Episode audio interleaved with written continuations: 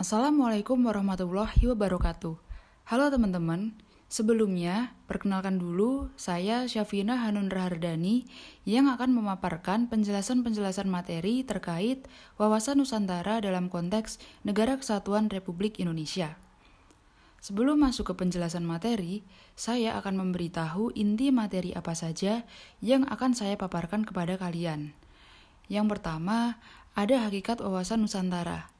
Kemudian ada latar belakang munculnya wawasan Nusantara, kemudian ada kedudukan wawasan Nusantara, peran penting, dan yang terakhir ada akibat yang terjadi jika warga negara tidak berwawasan Nusantara. Kita akan masuk ke materi inti yang pertama, yaitu hakikat wawasan Nusantara. Jadi teman-teman, Wawasan Nusantara dalam konteks Negara Kesatuan Republik Indonesia adalah cara pandang bangsa Indonesia terhadap rakyat, bangsa, dan wilayah Negara Kesatuan Republik Indonesia yang meliputi darat, laut, udara di atasnya sebagai satu kesatuan politik, ekonomi, sosial, budaya, dan pertahanan keamanan. Wawasan nasional selanjutnya menjadi pandangan atau visi bangsa dalam menuju tujuan dan cita-cita nasionalnya. Wawasan Nusantara adalah sudut pandang geopolitik Indonesia secara mendasar. Secara harfiah, wawasan Nusantara berarti konsep kepulauan, dan secara kontekstual, istilah ini lebih tepat diterjemahkan sebagai visi kepulauan Indonesia. Wawasan Nusantara adalah cara bagi Indonesia untuk memandang dirinya sendiri secara geografis sebagai satu kesatuan antara ideologi, politik, ekonomi, sosiokultural, serta masalah keamanan dan pertahanan. Yang kedua yaitu latar belakang kemunculan wawasan Nusantara. Secara umum, terdapat empat aspek yang melatar belakangi dan menjadi dasar dari wawasan Nusantara bagi bangsa Indonesia – Selain keempat aspek ini, tentu saja masih banyak aspek-aspek yang lain. Tetapi kali ini teman-teman, pembahasan hanya meliputi aspek-aspek yang paling berpengaruh terhadap wawasan Nusantara bangsa Indonesia. Yang pertama yaitu falsafah dasar negara, yaitu Pancasila. Nilai-nilai yang terkandung dalam Pancasila tentu saja akan mempengaruhi wawasan Nusantara kita, atau cara pandang dan pemahaman kita terhadap unsur-unsur yang ada pada suatu negara. Secara umum, kelima sila dalam Pancasila semuanya berpengaruh. Berikut ini adalah selayang pandang mengenai kelima butir Pancasila yang menjadi dasar dari wawasan Nusantara, yaitu ketuhanan yang Maha Esa, kemanusiaan yang adil dan beradab, persatuan Indonesia, kerakyatan yang dipimpin oleh hikmah kebijaksanaan dalam permusyawaratan perwakilan, dan keadilan sosial bagi seluruh rakyat Indonesia yang artinya sudah sepantasnya negara kita dijalankan berdasarkan kelima nilai tersebut. Oleh karena itu, tentu saja Pancasila akan berperan besar dalam membentuk wawasan Nusantara bagi bangsa Indonesia.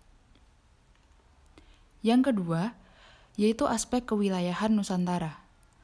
Aspek kewilayahan dan kekayaan alam Indonesia juga merupakan salah satu aspek yang mendasari dan membentuk wawasan Nusantara di Indonesia. Kita sama-sama mengetahui bahwa Indonesia sangat kaya akan sumber daya alam.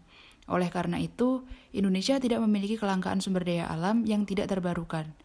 Bahkan, Indonesia merupakan salah satu negara pengekspor timah terbesar di dunia. Kita juga salah satu negara produsen batu bara terbesar di dunia. Indonesia juga memiliki banyak sekali sumber daya alam yang terbarukan panas bumi, panas matahari, angin, sungai-sungai panjang yang dapat dibangun bendungan, hingga keanekaragaman hayati Indonesia yang sangat tinggi merupakan contoh sumber daya alam terbarukan Indonesia. Bentang alam yang sangat beragam di Indonesia juga turut berperan besar loh dalam membangun wawasan Nusantara yang sangat luas ini. Indonesia merupakan salah satu negara yang berada di Ring of Fire dan dilewati oleh dua barisan pegunungan, yaitu Sirkum Pasifik dan Sirkum Mediterania. Aspek yang ketiga yaitu aspek sosial budaya. Indonesia merupakan negara yang sangat kaya akan budaya. Saat ini, kita memiliki ratusan suku dan budaya yang tinggi di bawah atap Negara Kesatuan Republik Indonesia. Seluruh budaya ini diakomodasi oleh semboyan nasional, yaitu Bhinneka Tunggal Ika, yang artinya meski berbeda-beda tetapi tetap satu. Budaya tarian kita merupakan salah satu kekayaan budaya yang sangat berharga, terdapat lebih dari 300 tarian tradisional Indonesia yang masih ada dan dilestarikan oleh masyarakat setempat. Selain itu, Lagu-lagu daerah di Indonesia juga tidak kalah banyaknya. Terdapat ratusan lagu daerah yang dinyanyikan dengan menggunakan berbagai bahasa yang berbeda-beda pula oleh suku yang berbeda-beda. Indonesia juga memiliki keanekaragaman keagamaan yang cukup tinggi. Terdapat puluhan bahkan ratusan agama yang ada di Indonesia. Mayoritasnya adalah agama lokal seperti Jawa Wiwitan ataupun kepercayaan lokal lainnya. Namun, Indonesia memiliki enam agama besar yang diakui oleh pemerintah. Aspek terakhir yaitu aspek sejarah. Indonesia dan wilayah Nusantara memiliki sejarah yang sangat berwarna, mulai dari zaman kerajaan-kerajaan, penjajahan bangsa Eropa, perjuangan kemerdekaan, hingga zaman pasca kemerdekaan yaitu sekarang. Pengalaman sejarah ini memberikan pemahaman kepada masyarakat Indonesia bahwa sangat berbahaya jika kita terpecah-pecah. Akan sangat mudah bagi bangsa lain untuk memecah belah dan menguasai satu persatu. Politik divide et impera yang dijalankan oleh VOC dan pemerintah kolonial Belanda masih cukup segar diingatan para sejarawan dan pejuang kemerdekaan Indonesia. Kebutuhan untuk bersatu ini merupakan salah satu dari beberapa faktor yang membentuk wawasan Nusantara bagi Indonesia sekarang ini. Kemudian materi yang ketiga yaitu kedudukan wawasan Nusantara. Kedudukan wawasan Nusantara menjadi sangat penting dalam mewujudkan tujuan nasional. Wawasan Nusantara menjadi sebuah wawasan nasional bagi bangsa Indonesia dan merupakan ajaran yang diyakini kebenarannya oleh seluruh rakyat Indonesia supaya tidak terjadi penyesatan atau penyimpangan dalam upaya mewujudkan cita-cita serta tujuan nasional.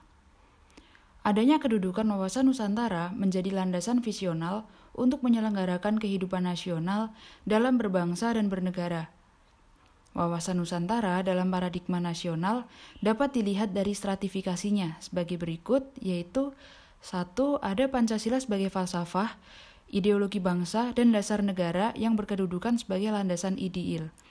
Yang kedua, Undang-Undang Dasar 1945 sebagai landasan konstitusi negara yang berkedudukan sebagai landasan konstitusional. Yang ketiga, wawasan Nusantara sebagai visi nasional berkedudukan sebagai landasan visional.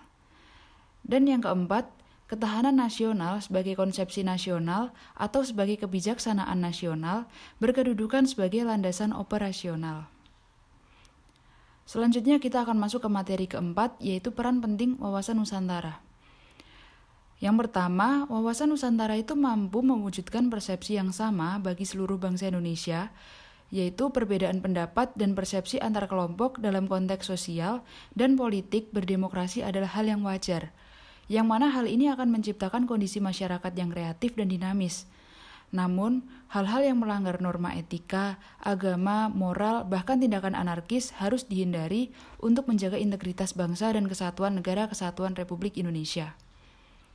Nusantara sebagai kesatuan, yaitu Ipolexos Budhankam, adalah harga mati yang tidak bisa ditawar lagi. Peran penting wawasan Nusantara yang kedua yaitu wawasan Nusantara dapat menghasilkan ketahanan nasional. Daya tahan yang kuat bagi bangsa Indonesia diwujudkan dalam upaya kerjasama, baik dalam bidang politik, ekonomi, sosial, dan budaya. Kerjasama yang sinergis antar bidang-bidang tersebut harus diupayakan secara terus-menerus, sehingga ketahanan nasional yang menyeluruh dapat tercipta. Selanjutnya, materi yang terakhir yaitu akibat yang terjadi jika warga negara tidak berwawasan Nusantara.